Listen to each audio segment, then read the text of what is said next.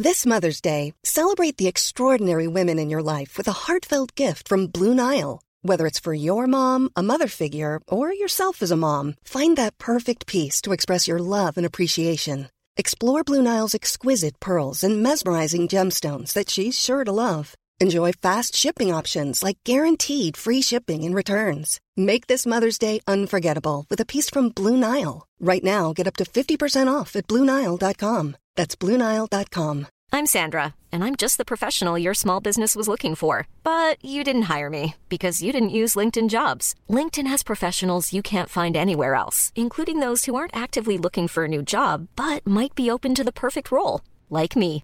In a given month, over 70% of LinkedIn users don't visit other leading job sites. So if you're not looking on LinkedIn, you'll miss out on great candidates like Sandra. Start hiring professionals like a professional. Post your free job on linkedin.com/people slash people today. Burrow's furniture is built for the way you live. From ensuring easy assembly and disassembly to honoring highly requested new colors for their award-winning seating, they always have their customers in mind. Their modular seating is made out of durable materials to last and grow with you. And with Burrow, you always get fast, free shipping. Get up to 60% off during Burrow's Memorial Day sale at burrow.com slash ACAST. That's burrow.com slash ACAST. burrow.com slash ACAST. Ja, men hjärtligt välkomna till ännu ett avsnitt utav Nyans. Nu är ju inspelningarna verkligen i full fräs här när vi har börjat komma igång med säsong tre, höstens inspelningar och nu växlat upp till två avsnitt i veckan. Och du lyssnar som vanligt på mig Paula. Mig Kajan. Och mig Hanna. Då har vi inspelningen igång. Så ja, åklagaren kan väl börja ställa frågor. Det här är Nyans, feministisk true crime med Kajan, Hanna och Paula. Idag är det sjukstuga. Alla är avslagna men Kajan har det värst tror jag. Nej men alltså jag är i en dimma. Och jag var... Jag vet inte om ni märkte det, Slack, att jag blev ganska speedad ungefär 45 minuter. Mm.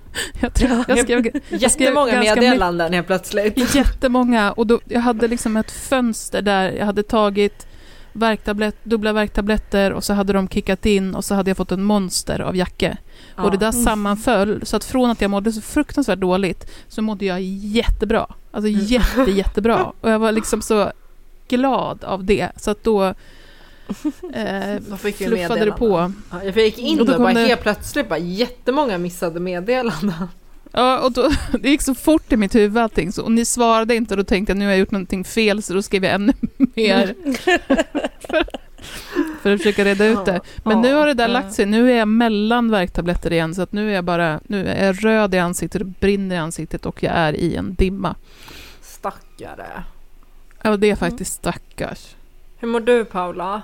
Jag mår skapligt. Jag har något eh, flare-up i min eh, fibromyalgi sedan typ en vecka tillbaka. Så jag har alltså, jätteont i mina leder, framförallt i ena handen. Men utöver det, Usch då. det här har jag ju levt med sedan jag var typ 14. Så att jag är så van vid att det Mm. kommer emellanåt Mm. också. Så att det blir liksom inte... Det, det värsta är väl att jag blir trött för att jag har så svårt att sova på nätterna. För att det är ont. Men, precis. Ja, usch. Fy, det där är det worst. Och Hansen, hur mår du? Eh, det där lät väldigt, det lät väldigt danskt det där, Hansen. Hansen? Nej, men... Paula Paulito och Hansen. Det är så ni heter. Ja. Eh, nej men det, fysiskt är det väl helt okej. Psykiskt kunde varit bättre. Mm. Eh, allmänt drained. Fy fan vad bra. Jag hade hoppats att det här, för det här blir ju liksom första avsnittet vi spelar in efter våran kick-off-helg. Så jag hade tänkt att det skulle vara så att peppigheten därifrån skulle liksom följa med in i den här inspelningen. Men jag fixar inte det. Så att nu är det bara så här, ni, ni får den peppen vid ett annat tillfälle. Ja, ni har den till godo helt enkelt. Så ni får casha Ja. in den när ni känner er redo. Men hörni, det här avsnittet vi, och fallet vi ska göra idag, det tyckte jag var jävligt spännande. Ja, det var viss eh, förvirring för min del kring juridiken. Men jag tror att jag fattar nu. Ja. Eh, vi drar igång. Yes. Jajamän. Nyans, feministisk true crime med Kajan, Hanna och Paula. Fallet som vi ska prata om idag har vi döpt till Stalking in the name of. Eh, mina källor för min del är ett förundersökningsprotokoll, en tingsrättsdom, en hovrättsdom och sen så har jag lyssnat på ungefär eh, fyra timmar från eh, ljudupptagningar från rättegången. De inblandade som vi kommer prata om är två personer. De har påhittade namn och offret heter Filip hos oss och förövaren heter Sofia. Sofia och Filip de träffas via en datingapp under början av 2020. Sofia berättar att hon i sin beskrivning i, i bion i appen har skrivit ut att hon är radikalfeminist. Och det här verkar vara något som de båda också klickar kring. De har liknande politiska och eh, ideologiska övertygelser och blir också ganska snart ett par. De bor inte tillsammans, men de umgås mycket. Både Sofia och Filip har också en historia av psykisk ohälsa och den blir även närvarande i deras relation. Ehm, det är ju oundvikligt att det inte blir det förstås. Filip berättar till exempel om att han tidigare har gjort flera suicidförsök. Han eh, söker också eh, vård och psykiatrin under tiden de är tillsammans. Och Sofia i sin tur berättar om hur hon psykiskt fortfarande lider av en tidigare relation som var våldsam och som också resulterade i en vårdnadstvist av ett gemensamt barn. Vi har inga uppgifter i sig från den här vårdnadstvisten, men det vi vet är att det är pappan i fråga som får vårdnaden och också att Sofia döms för två fall av hot mot tjänsteman i den vändan. Hon säger själv under eh, förhandlingen att hon döms för att hon hotade en eh, social, eh, SOS-handläggare och eh, för att hon blev väldigt arg, för att hon tyckte att man hanterade det så fel. Sofia säger också att hon har levt i fattigdom hela sitt liv och att hon vid några tillfällen funderar på att börja sälja sex för att lösa sin ekonomiska situation. Eh, och också för att hon tycker att hon lämpar sig ganska bra för det, för att hon har läst väldigt mycket om det och hon kan det mesta om det, menar hon. Eh, hon är också skyldig Filip en hel del pengar och tycker att det här eh, jobbet då skulle kunna eh, ordna det så att hon skulle kunna betala tillbaka. Men Filip har i den här vändan lyckats få ett jobb på Samhall och Sofia söker och får också det. Eh, så de här planerna om prostitution kommer att läggas på is. Men Sofia menar senare att hon inte längre kunde jobba som hon skulle på grund av det som Filip utsatte henne för. Så till slut så börjar hon att sälja sex. Och Filip vet också om det här och båda uttrycker att han eh, ja, men försöker stötta henne i det beslutet, att det är hennes beslut att ta. Det kommer att skilja sig en hel del i hur de båda beskriver slutet av deras relation. Sofia menar att Filip blev fysiskt våldsam mot henne vid flera tillfällen och också att han utövade psykisk misshandel och manipulation på olika sätt, bland annat genom att han hotade att skada sig själv. Eh, Filip då säger att han vid eh, något tillfälle har tagit upp att han kände att Sofia isolerade honom och kontrollerade honom väldigt. Men han säger också att det förekom våld från båda håll. Han säger till exempel att Sofia hotat honom med kniv. Eh, det här säger hon också att hon har, men hon har förklaringar till det. Han säger att hon kunde bli otroligt arg väldigt snabbt och att hon då också blev utåtagerande att han fysiskt har fått lyfta ut henne från sin lägenhet och så vidare. Att han skulle ha misshandlat Sofia så som hon beskriver det säger han absolut inte stämmer. I Fuppen kan man också läsa att Filip berättar om en del eh, konstigheter som har förekommit. Han säger till exempel att han eh, som en del av sin psykiska ohälsa egentligen tyckte om att sova medan andra var vakna. Att det kändes tryggt sådär. Eh, men att han kände, att, eh, han kände på sig att det hände något konstigt när han gjorde det och Sofia var vaken i hans lägenhet. Så vid ett tillfälle så låtsas han sova eh, på dagen då. Och hon ligger bredvid honom och sen så går hon upp och försvinner iväg och så går han efter efter ett tag och då sitter hon i badrummet och trycker ut kartor med hans antidepressiva medicin i toaletten.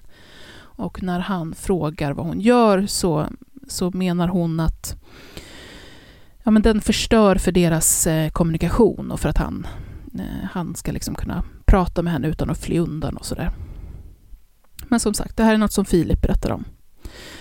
Så vi är alltså i det som vi så ofta ser kallas för en stökig relation. Men så händer något som gör att allting eskalerar ordentligt.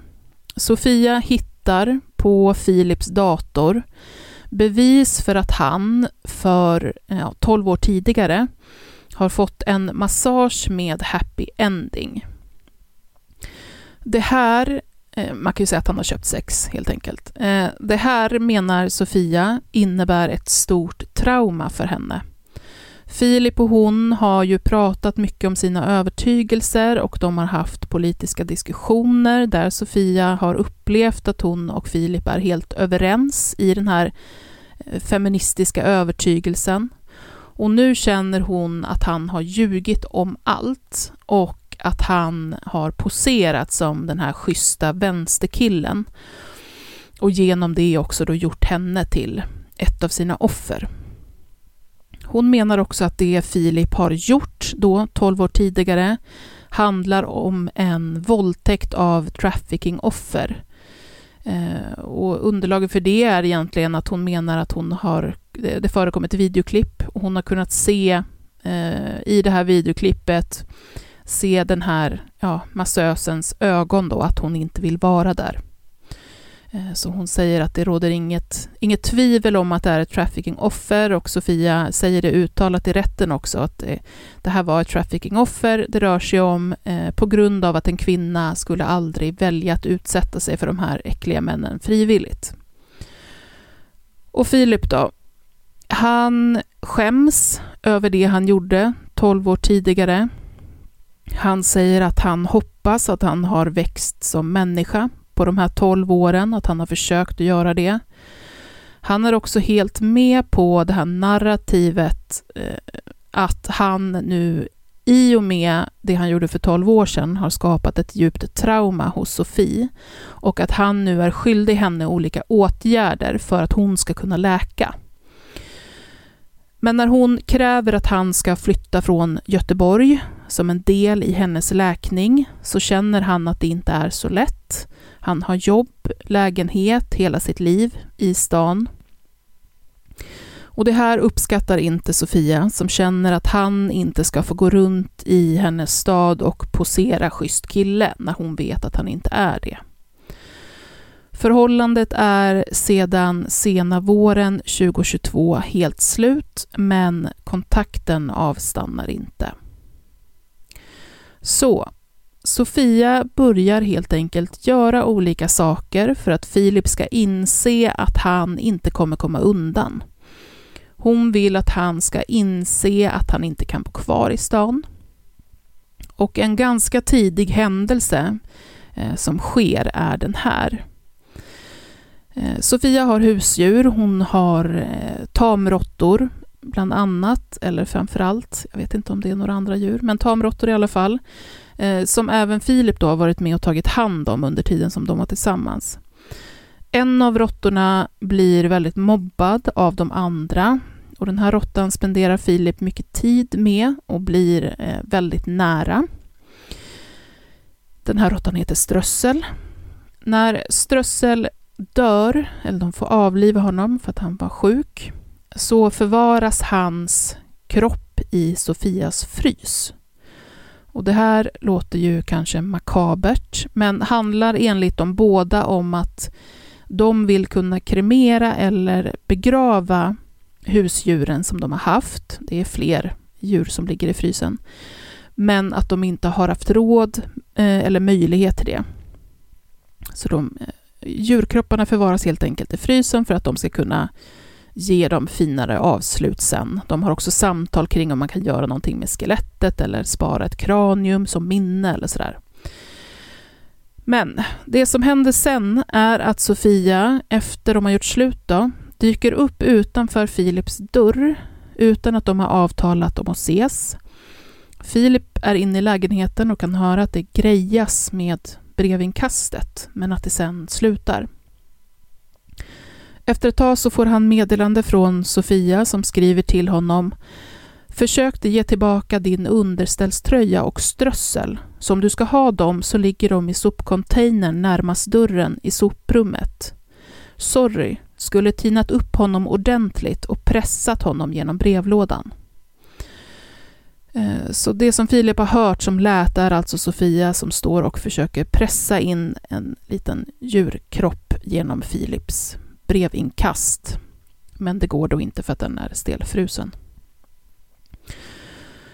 Sen eskalerar det ännu mer. Vid ett tillfälle så kommer de att eh, faktiskt ses och prata. Det är Sofia som kommer hem till Filip och, och ringer på och han öppnar eh, den här gången. Eh, men han vågar inte släppa in Sofia i lägenheten så de går ut utanför huset och pratar. Men det här samtalet går inte som det ska. Inte minst för att Sofia inte får gehör för att Filip ska lämna staden. Sofia kommer under rättegången och säger att Filip vill att de ska försöka igen, att han försöker kyssa henne men att hon vänder bort huvudet. Eh, det vet vi ingenting om, det kan mycket väl ha varit så. Men Filip kommer i alla fall att börjar börja vända om och skynda sig in i lägenheten igen. Och Sofia kommer efter och ganska så snart, så hon står alltså utanför lägenhetsdörren, han är innanför och har låst. Eh, eh ganska så snart så tar hon upp sina nycklar och hon börjar rista på hans dörr. Med stora bokstäver så ristar hon in ord som torsk, våldtäktsman, kvinnomisshandlare. Filip hör ju det här ristandet och han försöker att eh, liksom snabbt öppna och stänga dörren upprepade gånger eh, så att hon ska sluta, så att hon inte ska kunna rispa på den. Under rättegången så pratar Sofia om det här där hon menar att Filip faktiskt gör illa hennes fot när han öppnar och stänger dörren. Att hon säger till honom och, och ja men sluta, eh, du gör illa mig. Men att han inte gör det. Han slutar inte. Och hon säger det som att det här verkligen är något hon har rätt att uppröras över. Att det är bevis på hur illa Filip behandlar henne. Hon tycker att han skulle låtit bli dörren så att hon kunde rista in de här orden i fred. Sofia kommer att återvända till den här dörren väldigt många gånger. Hon rispar in orden djupare. Hon fyller i med lackpenna i det hon har ristat. När Filip sätter upp tidningspapper för att inför grannar och så försöka dölja det som är skrivet på hela dörren så är hon där och eh, skriver eh, fler saker på pappret. Hon river ner tidningspappret, hon ristar in igen eh, flera andra ord och när hyresvärden har återställt dörren och reparerat den här skadan så tar hon med sig en sax och ristar in orden ännu en gång. Under rättegången så säger Sofia att hon mår bättre när hon gör de här sakerna med dörren. Att det eh, försvarade hennes integritet och återupprättade hennes heder. Och hon tar också upp att hon gör det som ångestlindring eller traumabearbetning innan hon ska träffa en torsk för att sälja sex. 5 augusti 2022 så utfärdas ett ett eh, kontaktförbud gentemot Sofia. Det innebär att hon åläggs med ett förbud mot att besöka eller på något som helst sätt kontakta Filip. Hon får beskedet om det här på morgonen, men redan en kort stund efter det så står hon utanför Filips dörr igen. Det här kontaktförbudet kommer att överträdas oerhört många gånger, nästan oräkneligt många. Själv säger Sofia i rätten att hon inte inte riktigt kunde respektera eh, det här kontaktförbudet och att det bara gjorde henne mer arg. Eh, för att hon tänkte på alla rubriker hon läst om kvinnor som inte har fått kontaktförbud och sen kanske hittas mördade eller blir våldtagna. Och så får Filip det. Hon tycker inte det här är rättvist alls. Hon tror inte heller alls på att han är rädd för henne, så som han uppger. Eh, hon menar att han är större än henne fysiskt, så att hon kan inte utgöra någon fara. Och faktiskt så kommer hon att ta Philips kontakt med polisen som att det är han som återigen utsätter henne för trauma. Hon menar att när han ringer polisen efter att hon står utanför hans dörr och ristar så tar polisen ett väldigt hårt tag i hennes arm och att det faktiskt var jätteskrämmande för henne. Och det borde Filip ha förstått innan han utsatte henne för det. Och när det kommer till kontaktförbudet så menar hon också att hon tänkte att det var väl eh, någon som skulle säga till henne eller ge henne en varning om det hon höll på med inte var okej. Okay. Men det var ingen som gjorde det, så då tänkte hon att det var okej. Jag ska gå igenom det Sofia gör eh, lite mer genomgående här alldeles snart, men det är också värt att redan nu säga att en stor del av den här stalkingen äger rum på sociala medier. Eh, Sofia kontaktar Filip genom olika konton när hon blir blockerad eller eh, bara känner att hon inte når fram eller när hon vill ha mer spridning för någonting hon skriver så skapar hon nya konton. Hon gör bilder med Philips ansikte, hans fullständiga namn, hans adress och då de här anklagelserna om eh, våldtäkt av traffickingoffer och misshandel och så vidare. Och använder sina olika konton till att sprida det här eh, på nätet. Hon använder också olika trendande hashtags för att få spridningen så stor som möjligt. Och hon uppmanar på liknande sätt även Filip Eh, att ta livet av sig. När hon får fråga om det under rättegången så säger hon att han får jättegärna ta sitt liv. Sofia tycker också att det är kränkande att bara för att hon letar upp eh, Filip på sociala medier och läxar upp honom ideologiskt eh, och han inte kan ta det så häktar rättsväsendet henne. Hon tycker att det är väldigt orättvist. Sofia vidhåller under rättegången att det hon gjort har varit rätt och rimligt. Hon säger att han kommer aldrig få repressalier från rättsväsendet för allt han gjort. Då är det inte mer än rätt. Men som sagt, vi ska kika lite grann då på sakerna som eh, Sofia har gjort. Eh, och det är de händelserna som, som vi pratar om i tingsrätten då, som åklagaren lyfter fram och vill att Sofia ska dömas för. Eh, 23 juni har vi då det här ofredandet med husdjuret strössel. Det har vi redan gått igenom ordentligt. Eh, 25 juli eh, ofredande också. Då häller Sofia en burk med gammal torsk genom Filips brevinkast. Filip säger också i förhör att han tror att det är att hon har låtit den här burken stå så att det liksom har jäst, för det luktar väldigt mycket. Eh, 26 juli till 19 september, ofredande. Då rör det det här ristandet på, på dörren. Eh, och också att hon även när hyresvärden återställer dörren, eh, det gör att hon blir arg, för att hon tycker inte att Filip ska få möjlighet till det här clean slatet som hon tycker att det innebär, så att hon tar med sig en sax och ristar lite djupare istället. Det här pågår som sagt upprepade gånger och det är därför det är tidsspann. 27 juli har vi ett olaga hot. Eh, Sofia meddelar Filip att hon tänker göra värre saker än att rista på hans dörr. Och att nu när polisen är inblandad vill jag ha bang for the buck. Och med det, ja, det kan man ju tolka vad hon menar, men det uttrycket eh, kan vi generellt tolka som att ska hon nu eh, sitta inne så vill hon ha valuta för det.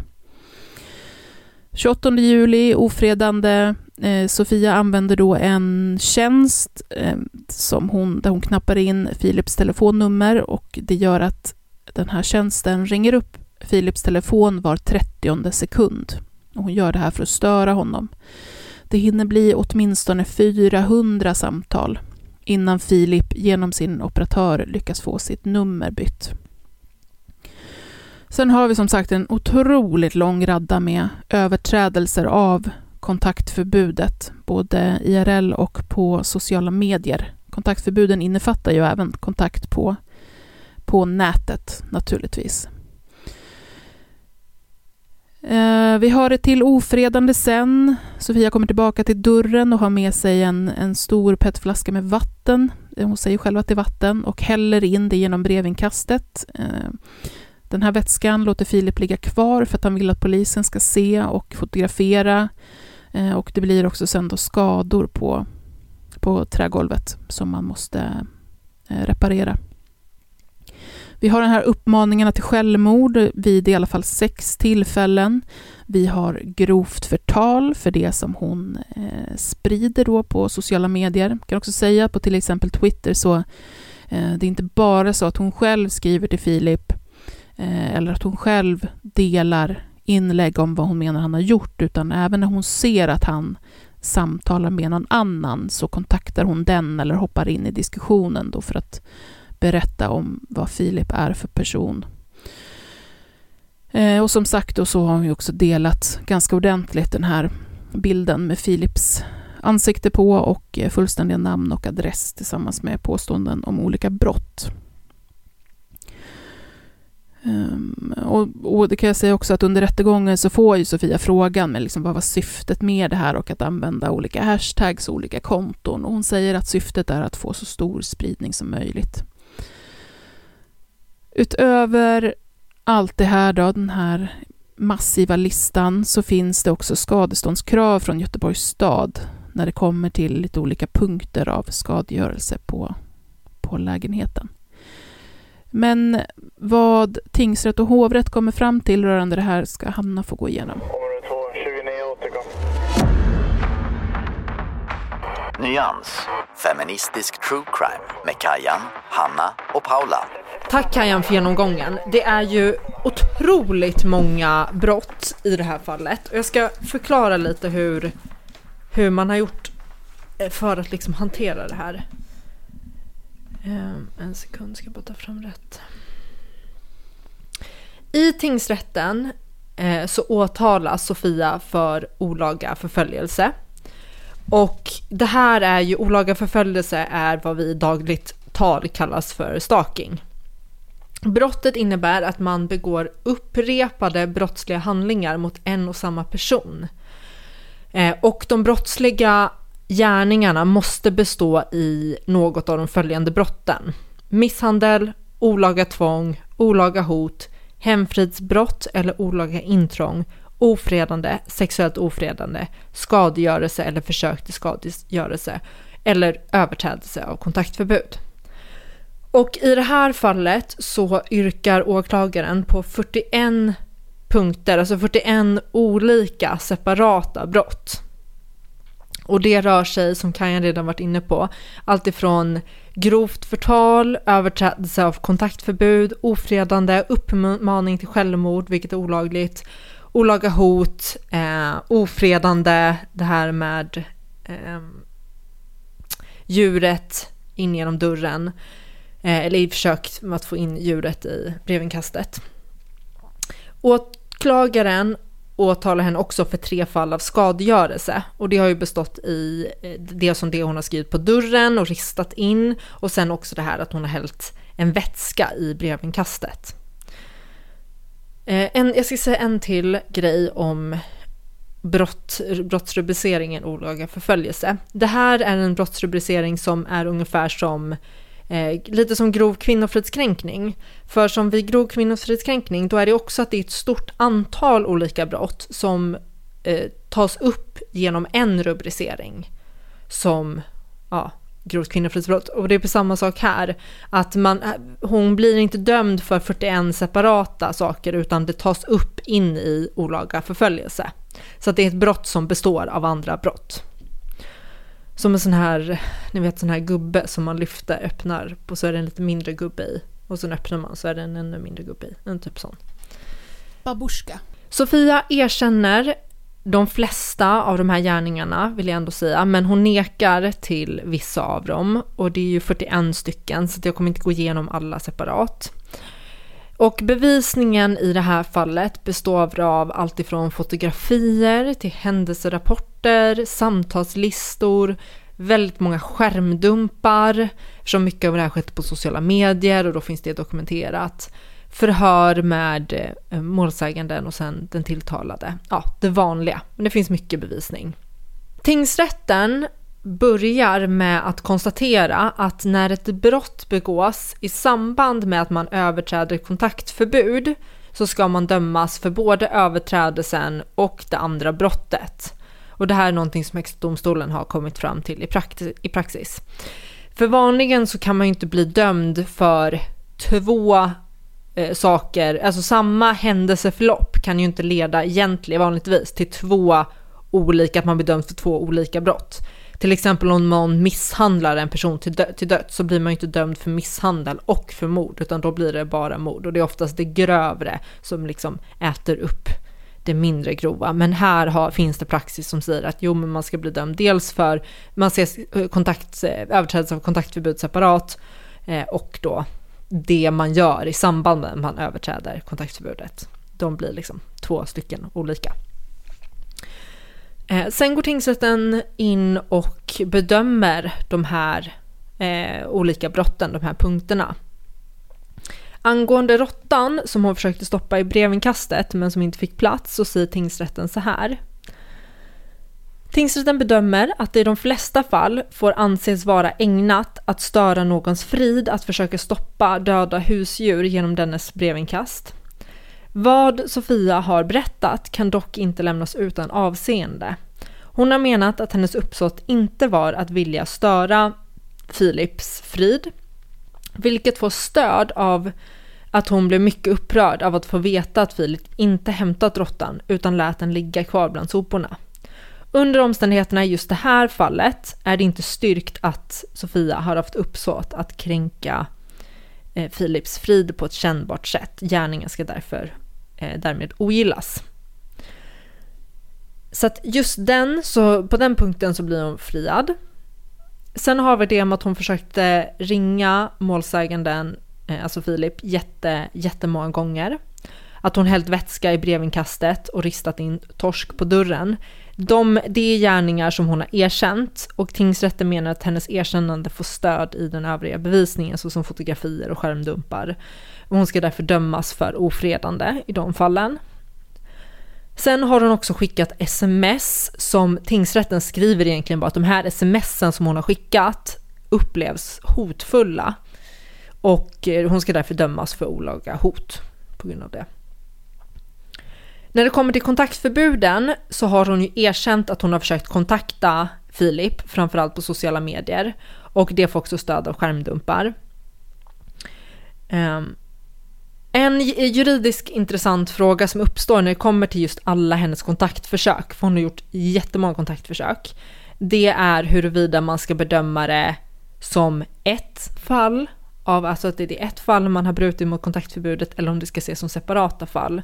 När man har till exempel gjort, om man försökt kontakta personen på olika sätt eh, på samma dag. Ska, hur, man ska, hur man ska bedöma det.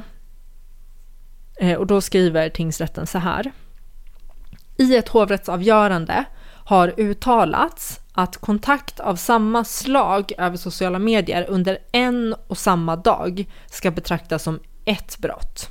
Och sen hänvisar de då till en dom. Tingsrätten delar hovrättens bedömning om brottskonkurrens. Tingsrättens bedömning är därmed att de upprepade kontakterna som gjorts på Twitter ska bedömas som ett brott och att de skett på samma, om de skett på samma dag. Sammantaget räknar tingsrätten att det rör sig om 19 olika brott genom upprepade kontakter på sociala medier. Eh, så där gör man en gränsdragning och säger att om man har försökt kontakta en person på samma, med liksom samma medel på samma dag eh, så kommer man se det som ett, ett brott mot eh, ja, kontaktförbudet. När det gäller uppmaning till självmord så bedömer tingsrätten att det har skett vid sex tillfällen och att det är styrkt genom dels Sofias erkännande och eh, genom skärmdumpar. Hon står ju också åtalad för grovt förtal. Eh, hon ska ha hängt ut Filip på sociala medier och sagt att han är en våldtäktsman och kvinnomisshandlare. Hon har också taggat konton och tingsrätten skriver, det här tycker jag blir lite otydligt, för tingsrätten skriver att det har fått stor spridning. Och de säger att, de skriver i domen att det rör sig om eh, att, att hon har taggat konton som sammantaget har 21 000 följare. Och där blir jag lite så här, har tingsrätten missförstått eh, vad det innebär? Fast det, det rör ju Twitter, så att när hon taggar så dyker det ju upp på de här på personernas... Ja, ah, okej. Okay. Ja, men förlåt. Never mind. Tingsrätten kommer fram till att hon ska även dömas för grovt förtal. Eh, sammanfattningsvis så säger tingsrätten så här. Tingsrätten har funnit att Sofia gjort sig skyldig till olaga hot, ofredande, överträdelse av kontaktförbud, uppmaning till självmord och grovt förtal. Den som, eh, den som förföljer en person genom sådana brottsliga gärningar döms om var och en av gärningarna har utgjort ett led i en upprepad kränkning av personens integritet för olaga förföljelse. Och det menar man att det här har gjort i det här fallet. Det finns ett till fall av Eh, eh, skadegörelse som hon frias för. För hon, hon stod åtalad för tre fall av skadegörelse, två blev hon dömda för, men ett frias hon för. Och det gäller att hon ska ha hällt in vatten i brevinkastet. Och tingsrätten menar där att det inte går att utesluta att golvet redan varit skadat sedan innan. Men hur som helst, hon ska i alla fall dömas för olaga förföljelse och två fall av skadegörelse. Och då har vi då straffet för det här. Olaga förföljelse är ett brott som kan ha mycket varierande straffvärde beroende på de olika delgärningarnas allvar. Tingsrätten ser särskilt allvarligt på de upprepade uppmaningarna till självmord. Det har framkommit att Filip periodvis mått dåligt psykiskt och att han haft suicidförsök. Han har alltså varit sårbar i detta avseende, vilket Sofia inte kan ha undgått med tanke på deras relation. Därutöver ser tingsrätten allvarligt på de grova förtalsbrotten som har fått stor spridning på Twitter. En skärmdupp visar också att en Google-sökning på Philips namn vid perioden gav träff på de här förtalsbilderna som Sofia lagt upp. Filip har också förklarat att Sofias beteende gjort att han känt sig isolerad, vilket också varit en del av Sofias avsikt. Tingsrätten bedömer därmed att den samlade brottsligheten som Sofia döms för är ett straffvärde som motsvarar ett års fängelse. Man gör också, eh, man inhämtar ett rättspsykiatriskt utlåtande där det bedöms att Sofia inte led av någon allvarlig psykisk störning. Så att det är inte aktuellt med vård utan det är fängelse i ett år. Det här överklagas och eh, hovrätten ändrar ingenting i domen egentligen utan håller med tingsrätten. De har en liten ändring i tiden för, för när brotten skulle ha begåtts men det är parterna överens om att det är liksom när den tiden är. Eh, och ja, Eh, man kommer också fram till att Sofia ska fortsatt vara häktad fram till att fängelset verkställs för att man bedömer att det finns en risk att hon fortsätter begå eh, brott. Alltså att hon fortsätter då trakassera eh, Filip. Nyans, feministisk true crime med Kajan, Hanna och Paula.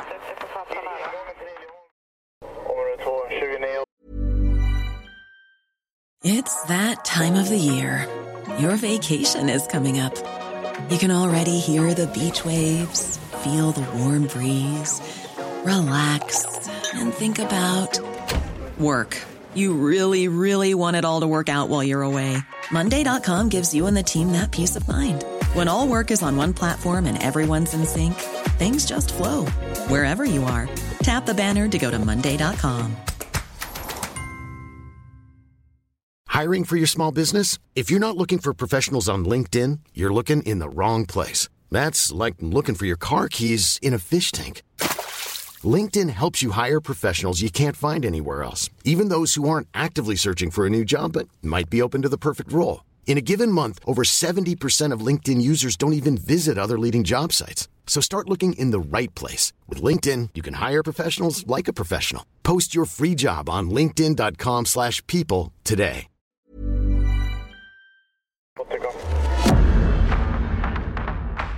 Nyans, feministisk true crime med Kajan, Hanna och Paula. Det här, det här fallet har varit lite svårt för min del eh, ur ren diskussionssynpunkt egentligen, kolla medier och sådär. För det har i princip inte skrivits någonting om Nej. det här. Ingenting jag har kunnat hitta i alla fall. När jag har sökt kring den här typen av brott så har jag bara fått upp exempel där det är män som har Mm. varit förövarna. Mm. Ehm, och eh, ja, så vi, vi, så vi får helt enkelt diskutera själva idag. Ja. Utan hjälp av medias åsikter. Eller så. Och eh, en, grej som, som slår mig, eller som jag liksom suttit och reflekterat över när jag läst i fuppen och sådär. Det är ju hur hon men använder välkända liksom, termer från feminism Ja, Mm. som ett verkligen. vapen mot Filip här. Alltså till exempel det här med att ja, men det var traumabearbetning att rista på dörren. Ehm, och, så här, och samtidigt som vi också liksom känner bara att, att hela hon skriker vit feminism. Ja. För att det är så otroligt privilegierat, det är så otroligt, otroligt vitt att komma och hävda att det är hon som utsatts för ett svårt trauma av att han har gjort någonting mot en invandrarkvinna 12 år tidigare. ja, men det är så sjukt! Det är liksom så alltså här- det är så sjukt! Alltså, åh, jag blir... Fast då säger hon ju faktiskt under rättegången att hon kan allting om prostitution för hon har ju bland annat läst Kajsa Ekis Ekman. Duktig! Ja, då kan man allt. Verkligen. Nej, det här var, jag tyckte att det här var, jag blev jätteprovocerad. Jag tror också jag blev så provocerad för det här är så otroligt dålig reklam för, för liksom feminismen. Eh, Ja, Bara stay the fuck away, du har inte rätt att kalla det det. Nej, ja, det är jättedålig reklam för, för radikalfeminister kanske Mm. man ska säga. Ja, I och med att det är ändå verkligen. det hon trycker på, liksom, att hon Ja. är. Men, men alltså just det här att, att sitta där och verkligen bara... Nej, men det här handlar om trauma för mig och, och, och traumarespons. Och man bara, men helvete heller, allting är inte... Alltså man kan inte komma och hävda traumarespons på allting man gör som är ett svinet beteende mot andra människor. Nej, verkligen inte. det var ju som vi kunde se i, i Jo-avsnittet, Mm. eh, föräldramordet Mm. i Jo. Där också allting är, där, där till och med det faktum att man inte får lära sig att cykla i en, ja, förrän i mellanstadiet är ett trauma. Allting innebär ett trauma och man Mm. själv är alltid den som är väldigt, väldigt utsatt. Och är man Mm. väldigt, väldigt utsatt, då har man heller inget ansvar för att man eh, beter sig och Mm. agerar ut Mm. och gör saker. För att det är bara en konsekvens av vad andra har utsatt en för. Ja. Nej, och det är ju också någonting hon återkommer till en hel del i, i sitt försvar, i förhören och sådana här grejer. Att, att hon erkänner ju många av handlingarna, men menar på att hon tycker att de inte borde utgöra ett brott. Mm. För att det är rimligt att hon agerar på det sättet hon gör. Mm. För att han förtjänar det. Mm. Alltså det här med eh, allting hon har skrivit på Twitter till exempel. Så hon erkänner ju att hon skriver och att hon vet att det ska få stor spridning och så vidare.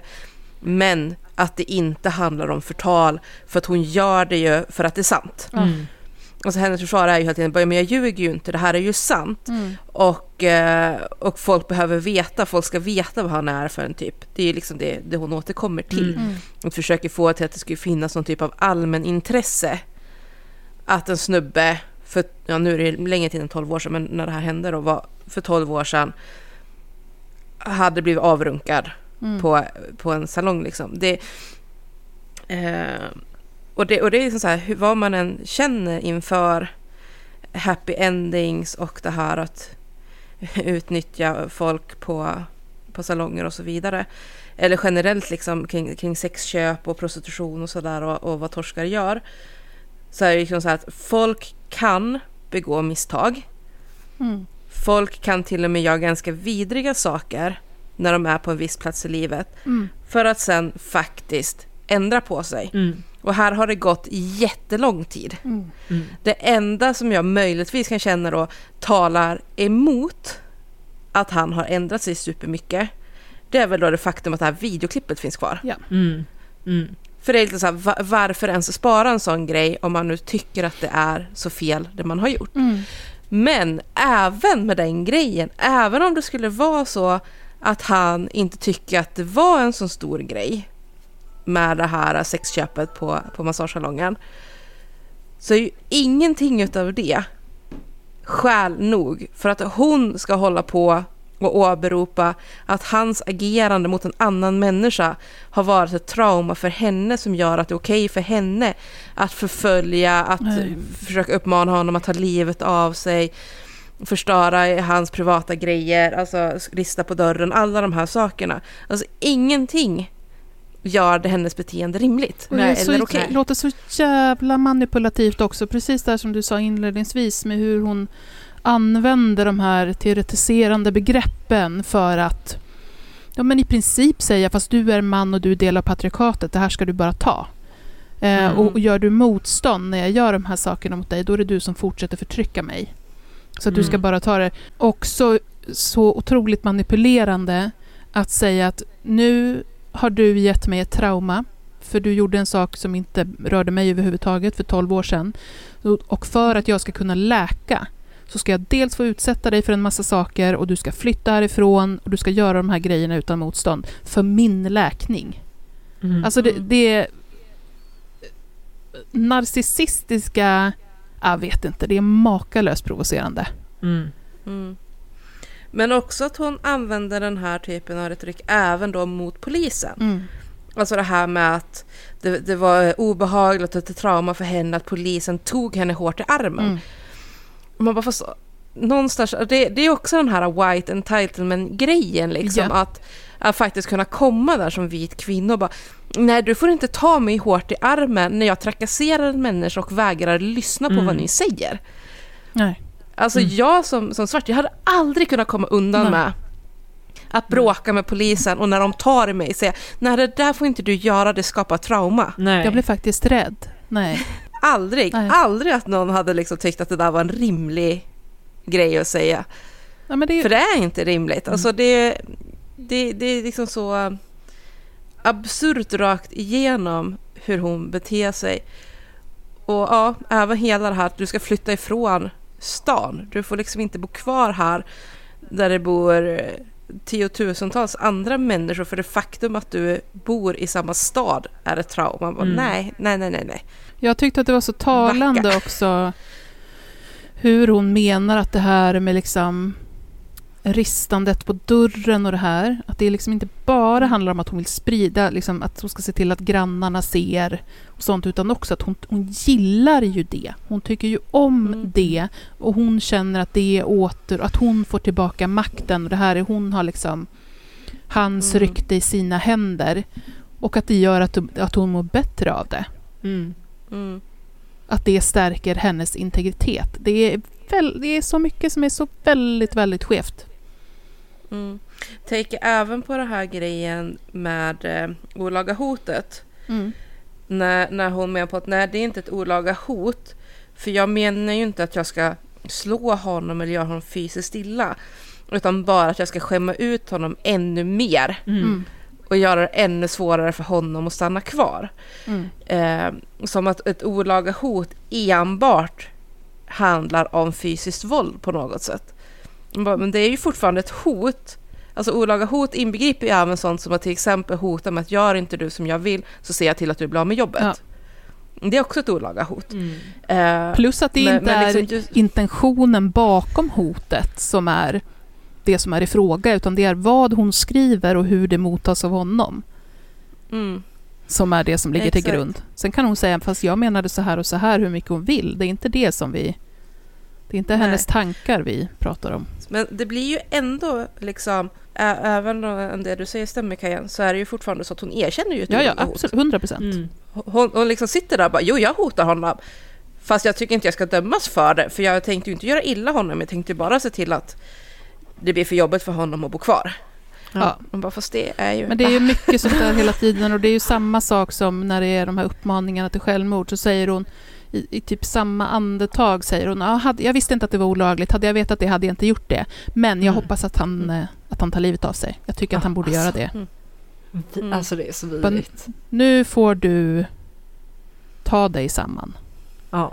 Ja, ja men verkligen. Och, och då, det glömde jag Eh. säga också, att hon, hon beskyller ju också Filip för det faktum att hon inte har mer eh, ska säga, tillgång till sitt barn.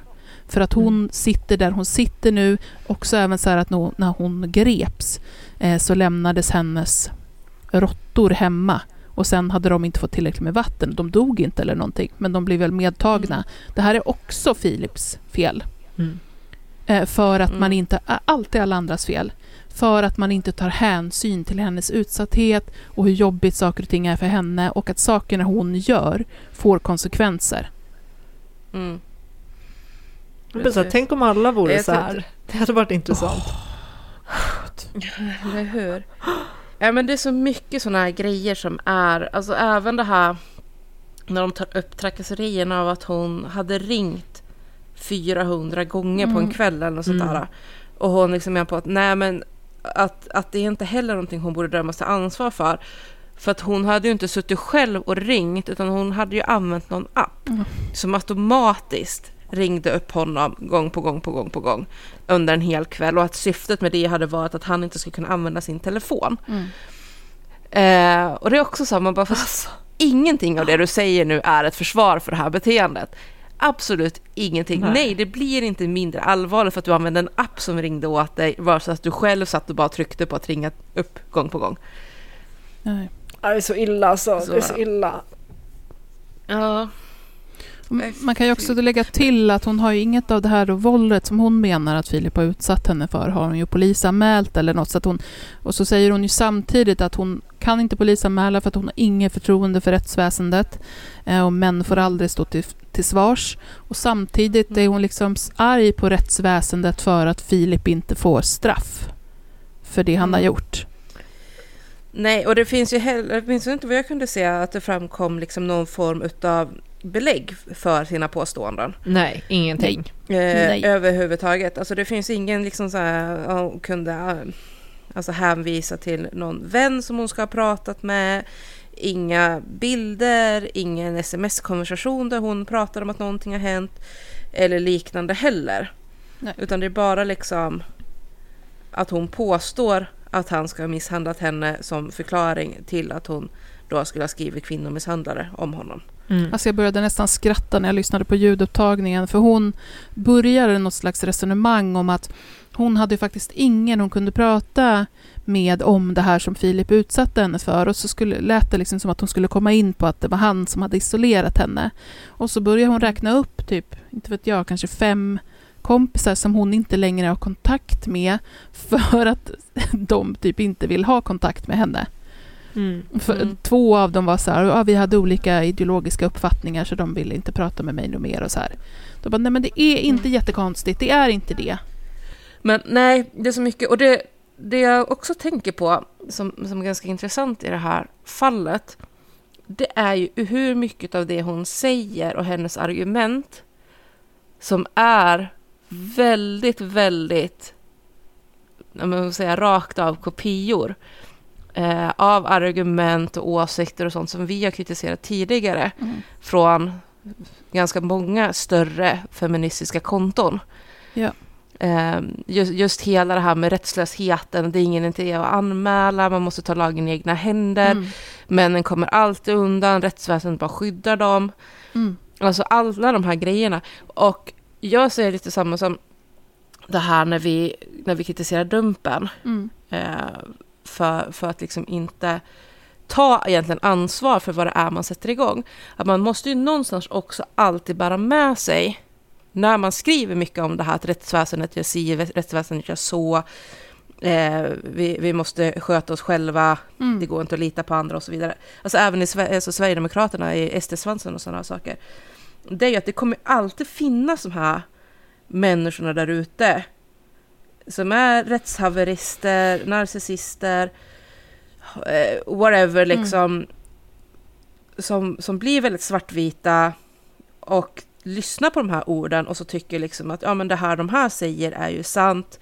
Jag kan inte gå till rättsväsendet, jag måste, ska jag få upprättelse då ska jag göra på mitt eget sätt. Eller ehm, som ett fall vi kommer att göra lite, lite framöver också med folk som, som hugger ihjäl en, en person för att de misstänker att han är pedofil. Och det också blir lite det här, det här hela vigilante-grejen Ja. liksom. Att nu ska vi ut med påkar Mm. och, och skippa vår egen rättvisa. Mm. Det är ju lätt att tycka det i fall där man verkligen är, ja men som, ja men vi går tillbaka vid det här som vi väntar på HD nu med snippadomen. Mm. till exempel fortfarande, att där är det ju lätt att exakt alla, alltså även folk högt upp inom rättsväsendet, verkligen alla är så här på att nej men det här är absurt. Mm. Så här ska inte en dom gå till, så här ska det inte se ut. Mm. Ehm, att liksom i det då tycka att nej, men nu har vi rätt, här får vi bli arga, fram med högafflarna. Mm. Och så inte se liksom vad det kan dra med sig i andra led, i andra Ja. situationer, i andra fall. Ja. Eh, så jag tycker nej, överlag, liksom, oavsett, även när det är berättigad kritik mot rättsväsendet, att man ska vara väldigt, väldigt försiktig. Mm. Och tydlig.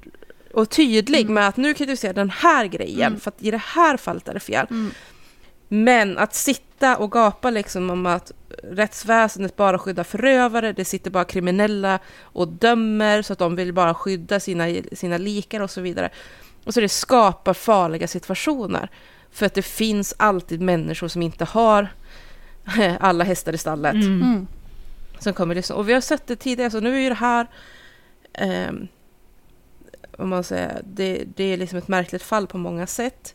Men kanske inte det mest allvarliga. Mm. Men vi har ju sett också när det blivit konsekvenser, de här riktigt, riktigt allvarliga konsekvenserna, typ Lasermannen, Mm. som gick ut och sköt ihjäl människor för att han menar liksom på att jo men svenskarna vill ju inte ha invandrare här, jag gör ju bara det Ja. politikerna försöker säga på snällare sätt. Ja. Jag kan tänka mig att det finns, att det finns massor med sådana här fall där personer inte har polisanmält. Ehm, Mm. Och jag kan tänka mig också att det finns många fall där det just, alltså åt båda hållen, men också att det finns en del män som liksom inte vill anmäla för att det känns pinsamt. Eh, Mm, och sen mm. många, eh, också tvärtom, alltså många kvinnor som inte vågar anmäla för att de är rädda också. Det tror jag. Det är så plågsamt också att höra ljudupptagningarna för att samtidigt som Sofia sitter och säger då liksom rakt ut på frågan om ja, men vad menar du när du skickade den här bilden mm, där du, på, på hur man knyter en snara. Ja, att eh, han skulle gå och ta livet av sig. Samtidigt som hon sitter och kör den så sitter Filip och eh, uttrycker att han är så ledsen att det har liksom eh, kommit till det här. Mm. Att han känner att det är ett misslyckande för honom, att han inte har lyckats hjälpa Sofia bättre. Att han vill bara att hon ska må bra. Mm. Eh, han är väldigt vaksam med hur han uttrycker sig eh, kring henne för att liksom inte, det är inga överdrivna laddade ord liksom. Eh, ja, men det är så plågsamt och då har han ändå suttit i den här jävla terrorn. Mm. Ja, terror är henne. ju verkligen rätt beskrivning. Ah, fy fan. Jo, men han beskriver ju liksom verkligen de här standard för någon som har blivit förföljd. Det här att han studsar till så fort det kommer ljud som han inte är beredd på. Ja. Att han blir nervös när, när han hör någon som går utanför lägenheten. Eh, att han, eh, hjärtat börjar bulta när det ringer för att han inte vet om det är hon som har börjat ringa igen. Mm. Och så vidare och så vidare. Och eh, nej, jag eh, känner så... Nej, men jag vet inte, det, det är så mycket frustration på något sätt. Att när, när liksom feminism ändå är någonting som, som vi står så, så starkt för. Mm. Att se, eller ja, i det här fallet då, läsa om någon som använder det vi tror på på det här sättet Mm. för att riktigt, riktigt bryta ner en annan människa. Ja. Det är liksom... Hon säger sig stå för allting vi står för, men använder det för att göra allting vi inte står för. Ja, Mm. ja men verkligen. för egen agenda, Verkligen. för egen vinning. Mm. Ja. Område 2, 29 återkom. Nyans. Feministisk true crime med Kajan, Hanna och Paula. Ja, eh, känner vi oss redo för en snackis? Yes. Det känns nästan lite för glatt att kalla det för en snackis. Mhm. Eh, men det, det är vad vi kallar sekvensen, så nu blir det så. Vi får ha glada snackisar tänk- också, tänker jag. Ja, det ska vi ha. Men idag blir det ingen glad snackis. Jag tänkte att vi ska prata lite grann om Molly och Kalle. Ja, nej, det var ingen glad snackis. Och det är därför jag känner att i, i den här typen av situationer så låter snackis liksom lite Ah, för käckt ja, nu fattar jag vad du menade. Jag trodde du menade. att det här var för glatt för att liksom ingå som snackis. Det var därför jag blev förvirrad. Eh, jag har skrivit på, på min egen Instagram om båda. Eh, men för de som eventuellt inte följer mig eller som av olika skäl inte har kunnat se de här inläggen så handlar det alltså om två stycken 14-åringar. Eh, och Molly var en, en transtjej som redan i lågstadiet börjar uttrycka att hon inte alls var pojke utan i själva verket var en flicka. Och eh, ju äldre hon blev, ju starkare uttryckte hon detta. Och till sist så ställde familjen sig i kö för att få vård för Molly.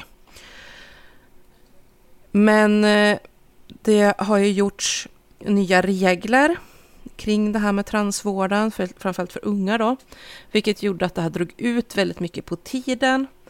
Och eh, Molly visste också att även om hon till sist fick komma till transvården så var det inte säkert att hon skulle kunna få den hjälpen som hon behövde i form av bland annat stopphormoner för sin pubertet. Och Molly var verkligen livrädd inför puberteten. Eh, att hon ville absolut inte eh, påbörja en manlig pubertet. Och föräldrarna försökte stötta. Hon fick gå i samtal hos skolkurator. Hon fick gå i samtal hos BUP. Och man försökte liksom på olika sätt att, att stötta Molly i väntan på att kunna få hjälp. Eh, men Molly gjorde flera suicidförsök. Och det, det riktigt sjuka är ju att vården till sist då, jag tror att det var efter andra suicidförsöket, så svarade vården med att plocka bort egentligen allt hennes stöd och säga att eh, hon skulle bara stå i en viss kö då eh, mot, mot transvården och att i väntan på det så, så fick hon inte längre eh, samtal hos BUP och så här grejer, utan då var det bara typ att ja, du får vänta. Och det, var, det är liksom som att vården inte riktigt, alltså, dels har de inte resurser, men också till viss del inte modet eller vågar liksom inte riktigt ta i det här. Så att man, man lämnar egentligen Molly till sitt öde i väntan på att kunna få tid till, till KID-enheten. Med resultatet då att Molly till sist eh, faktiskt tog sitt liv. Så hon dog i våras. Men eh, nu några månader senare så har familjen då gått ut och berättat vad det var som hände. Eh, att Molly efter ett och ett halvt år i kö för att få komma till transvården gav upp. Mm. Inte orkade kämpa, inte orkade vänta längre. Eh, speciellt då när det liksom fanns den här eh, överhängande risken att även om hon kom fram i kön helt enkelt inte skulle kunna få hjälp i alla fall. Eh, och där föräldrarna säger liksom uttryckligen det att det var ju den här rädslan inför puberteten framförallt som gjorde att hon eh, tog det här beslutet. Hon inte Mm. vågade hon, eller inte orkade fortsätta Mm. leva.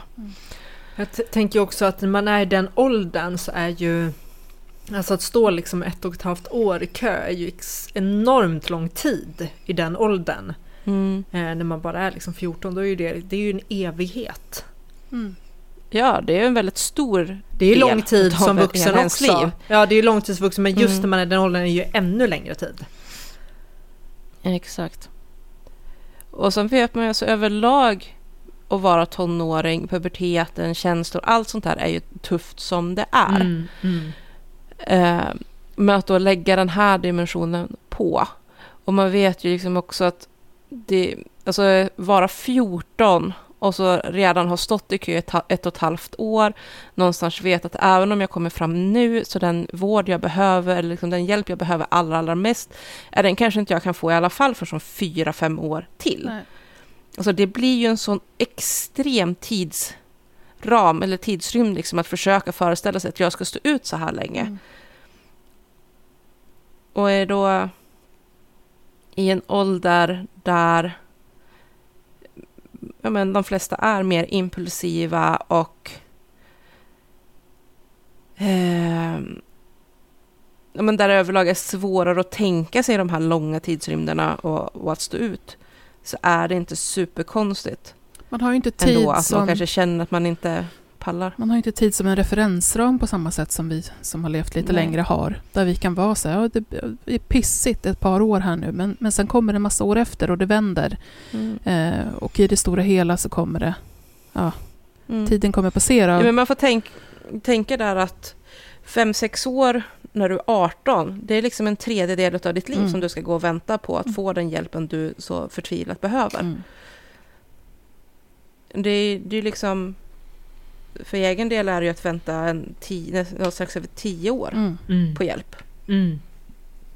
motsvarande. Och sen då ha att det puberteten jagandes. Ah, fy Man, fan och liksom alltså. som, någon, som en, en, en fiende som man inte kan fly ifrån. Ja. Och som befinner sig inuti en på något sätt. Mm. Mm. Måste kännas väldigt Det skrämmande. är så grymt. Mm. Det är så otroligt grymt.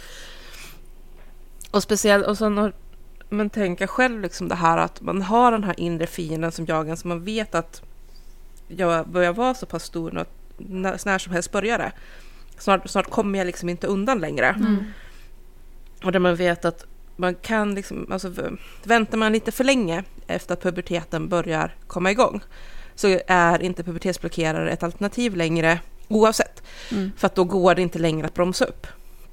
Utan man måste ta, det finns ett ganska litet liksom, fönster Mm. för när man kan börja ta pubertetsblockerare för att det liksom ska ha den effekt man vill att det ska ha. Mm. Och att då också veta den grejen, liksom att men, om inte jag kommer fram snart så spelar det ingen roll, alltså dels på grund av reglerna, att det inte är säkert att jag kommer kunna få det här oavsett, men också att kommer jag inte dit snart så spelar inte reglerna någon roll. Nej. För medicinen kommer ändå inte funka. Mm. Det är lite grann som det här att ta ett dagen efter-piller. Att det är ingen, alltså, har man väl hunnit ha ägglossning så är det ingen idé att ta ett dagen efter-piller för det kommer ändå inte få den effekten man vill ha. Och det är lite samma här, att har puberteten redan kommit för långt Mm. så kan man, då är det liksom ingen idé med pubertetsblockerare, man kommer inte få effekten. Nej, och att vara suicidal och få saker som bekräftar känslan av hopplöshet är in, Mm. inte bra. Nej. Nej. Och det här regeländringarna som har blivit, det handlar ju väldigt, väldigt mycket om opinionsbildning från transfober. Mm. Eh, och jag kommer komma in lite mer på det i, efter att jag har pratat också om Kalle. För Kalle var också 14 år gammal, men eh, transpojke. Och det har varit lite så förvirring har jag märkt när jag har skrivit om det här, att vissa har tänkt att det är samma person, Mm. att Molly och Kalle är samma. Men nej, Molly var alltså född med snopp men är flicka. Kalle är född med snippa men är pojke. Så att det är två olika Mm. personer. Och Kalle är också en som från låg ålder har uttryckt att han egentligen är en pojke, haft stöttande föräldrar eh, och har fått liksom få vara sig själv, få vara Kalle. Men Kalle blev i ganska låg ålder utsatt för sexuella övergrepp. Och något som eh, är allt för vanligt. Jag har själv pratat flera gånger om att jag har varit där själv.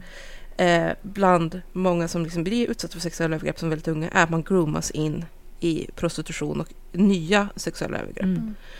Och det här händer för Kalle. Eh, familjen söker hjälp. Man vill att Kalle ska kunna få traumaterapi. Man vill att han ska kunna få vård. Eh, och stöd att kunna komma ur det här. Där liksom föräldrarnas insatser och, och kunskap inte räcker till helt enkelt för att, för att rädda deras son. Eh, men eftersom vårt samhälle tyvärr har jättedåliga kunskaper generellt kring just traumavård så blev istället resultatet, och det här är också någonting som inte din hora till exempel skriver mycket om, att det här sker hela, hela tiden. Att unga som groomats in i prostitution eh, sätts på SIS-hem. Mm. Och då menar man på att ja, men det är att man säger att ja, men det är ett sätt att skydda barnen från sig själva, säger man. Eh, genom att sätta dem på ett SIS-hem så kan de inte längre ta kontakt eller bli kontaktade utav torskar och kan därmed heller då inte stämma träffar. Eh, och där blir utnyttjade. Så att det här händer också med Kalle, att man sätter Kalle på ett SIS-hem. Och man sätter honom på ett SIS-hem för flickor. Och på det här SIS-hemmet så slår han larm till sin familj och till sina närmsta vänner om att han blir trakasserad av de andra flickorna på hemmet. Eh, att eh, även personalen hånar honom för hans könsidentitet. Man, man hånar honom för hans mående. Och han blir satt i avskildhet på olagligt sätt. Alltså det här eh, med, med avskildhet är ju någonting man ska använda extremt, extremt lite under väldigt avgränsande perioder. Egentligen får man inte sitta avskilt längre än tror att två fyra, timmar åt gången. Fyra visst var det så? timmar fyra, åt gången. fyra timmar Men det här, gången. Mm. över, alltså det, här, det här är ju ingen som sköter. Folk sitter Nej, betydligt längre. Men egentligen så säger ju laget, du får inte sätta ett barn avskilt helt, det vill säga i isolering, mer än fyra timmar i sträck. Och sen ska man få komma tillbaka ut. Eh, och att det ska, syftet med det, och att SIS-hem får den här befogenheten att sätta barn i isolering, menar på att det är för att de ska komma ifrån turbulenta situationer, kunna lugna ner sig och sen komma tillbaka ut. Men Kalle sätts i avskildhet eh, i ett dygn i sträck. Han får komma ut och träffa de andra på, på boendet en, två timmar per dygn och sen blir han tillbaka i avskildhet. Och, eh, och det har gjorts anmälan mot det här SIS-boendet som han var på. Och de har uttalat sig om att de ska utreda vad som har hänt. Mm. Men sen i övrigt så är det, liksom standard det här. Man kan inte sä- säga något om ett enskilt fall, det kommer göras utredning, bla bla bla. Det hela slutar i alla fall med att Kalle tar sitt liv medan han är i avskildhet på det här SIS-boendet. Eh, I en kombination av då att ha varit utsatt för trauma, inte få den traumaterapi han behöver, men också då ehm, transfobin och det Mm. dåliga måendet över att bli trakasserad för den han är. Och de här två nyheterna om Molly och Kalle kom ut i media med ungefär ett dygns mellanrum. Och det som då, som vi som också vill få med i den här diskussionen, jag sa att vi ska komma tillbaka till de här transfoberna och så. Det som gör mig så otroligt, otroligt förbannad är hur många människor jag har haft och som jag har sett även i kommentarsfält hos Aftonbladet, Expressen och så vidare. Som sitter och tycker liksom så här, alltså uttryckligen säger saker i stil med Ja, det här är väl sorgligt, men eh, stopphormoner hade inte varit en lösning. Det här är ju sorgligt, men hade Kalle satt sig med pojkar så hade han ändå åkt på stryk för ingen bry, bryr sig om en transa. Eh, gud vad sorgligt, eller ja, tragiskt, men om samhället slutade lura i barn att de var transpersoner så skulle det här inte hända Alltså idioter. och liknande grejer. Ja, och jag känner verkligen så att det, det är en... Jag tänkte säga nästan en annan, eller inte en ny nivå, men en annan nivå av transhat verkligen. Mm. Att ha mage att skriva i en tråd som handlar om barn som har tagit sina liv för att de inte orkar med transfobin i samhället Mm. längre. Och mata på med exakt den typen av åsikter och attityder som gör att de här barnen inte längre lever. Ja. Det är så otroligt, Mm. otroligt smaklöst och det är så respektlöst mot deras familjer. Och även de som sitter och då felkönar Molly och Kalle medvetet. Nej, det är så äckligt. Och det är så gravt empatistört. Mm. Ja. Fy fan. Och det blir så tydligt att man inte ser de här barnen som fullvärdiga människor Nej. Ja, när man kan bete sig så. Nej. de här personerna ska liksom inte under några omständigheter få sitta och låtsas som att de pratar för barnets bästa. Nej. Och sitter och drar sån här äcklig, vidrig skit. Nej, det är så jävla vidrigt. Ah. Alltså rent personligt, eftersom jag också har två barn som identifierar sig som trans, så kommer det så himla nära också Mm. När vi är mitt uppe för båda de här barnen med utredningar nu och köa för att komma till transteam för barn och så vidare och så vidare. Mm. Eh, att mötas av de här åsikterna Mm. Mm. och någonstans ska jag tänka att skulle det här drabba något av mina barn så finns det så många människor där ute som skulle ha absolut noll empati med deras öden. Och istället bara sitta och tycka att ja, men det är typ vi föräldrar som har gjort fel som låter våra barn vara den de säger att de är. Alltså det, det är så sanslöst hela grejen. Mm. För jag tänker så här, det är en grej om man liksom saknar kunskap och Mm. liksom så, men, men att bara ånga på med något så här ohämmade transfobin. Ja, men det är ju där de avslöjar sig själva Ja, med sin människosyn. ja, ja men precis, för det är ju det det handlar, det handlar om människosyn. För det Mm. kan, när, när jag är i situationer då jag, eller alltså jag vet inte, jag bara, jag vet inte ens vad jag ska säga. Det är så jävla vidrigt. Mm. Och, och det är verkligen så, det är en sak med de som skriver ur okunskap. Mm. Alltså det märks ju till exempel vilken extrem skada Uppdrag granskning, sådana här tranståget och Mm. det har haft. För att det, det som, alltså många hänvisar ju till de här Uppdrag granskningsgrejerna. Men har fått för sig att det man pratar om där är normen. Alltså man pratar om så, ja, men i Uppdrag granskning så pratar de om typ eh, att man hade hittat statistik om att på, på en femårsperiod så var det tre personer under 18 år som ändå hade fått beviljat eh, att ta bort sina bröst. Och så säger man så att ja, så det visar ju att man visst opererar på barn hur som helst och vi ska inte operera i friska barn, bla bla bla.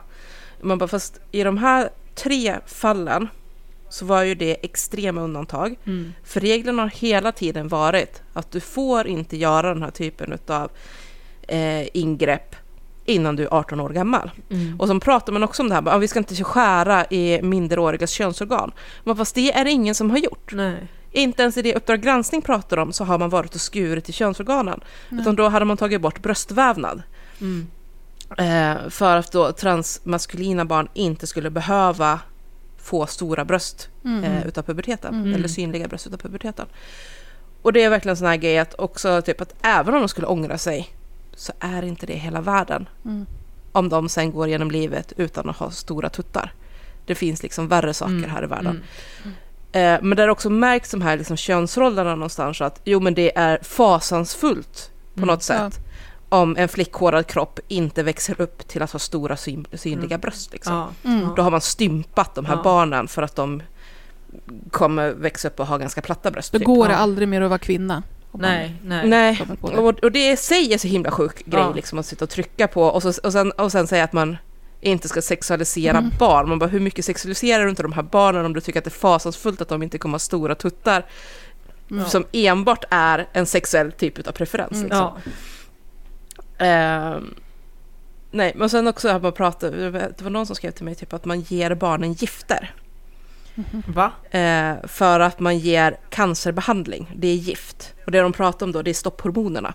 För att samma typ av hormoner som används för att stoppa eller bromsa en pubertet kan också användas i framförallt prostatacancervård för att stoppa eh, produktionen av testosteron eftersom man har sett att vid prostatacancer så saktar cancerns tillväxt ner om man hämmar testosteronproduktionen. Det ju Eh, jätte... det finns också vissa fall det är jättekonstigt. Ja, men det, är- det är Vad kallar du för det? Det, är blir- jättekonstigt att hävda... Jag menar medicin är ju som att säga typ såhär, nej men jag tar antibiotika för det här, så är det liksom Nej men alltså det, jag menar mediciner används ju för massa olika saker. Alltså samma har sån- medicin har ju flera användningsområden. Mm. De har sån jävla antivaxer-retorik alltså. Men Mm. verkligen. Nej, exakt. Och så pratar vi, för det, var ju, det är också en sån här Uppdrag granskningsgrej. Det var ju ett barn, ett enda som man har pratat med, eller liksom kunnat få tag i, där föräldrarna uttalar sig. Och det är ju ett barn där på grund av att transvården är så underfinansierad och underprioriterad så var det ett barn som föll mellan stolarna vad gällde uppföljning.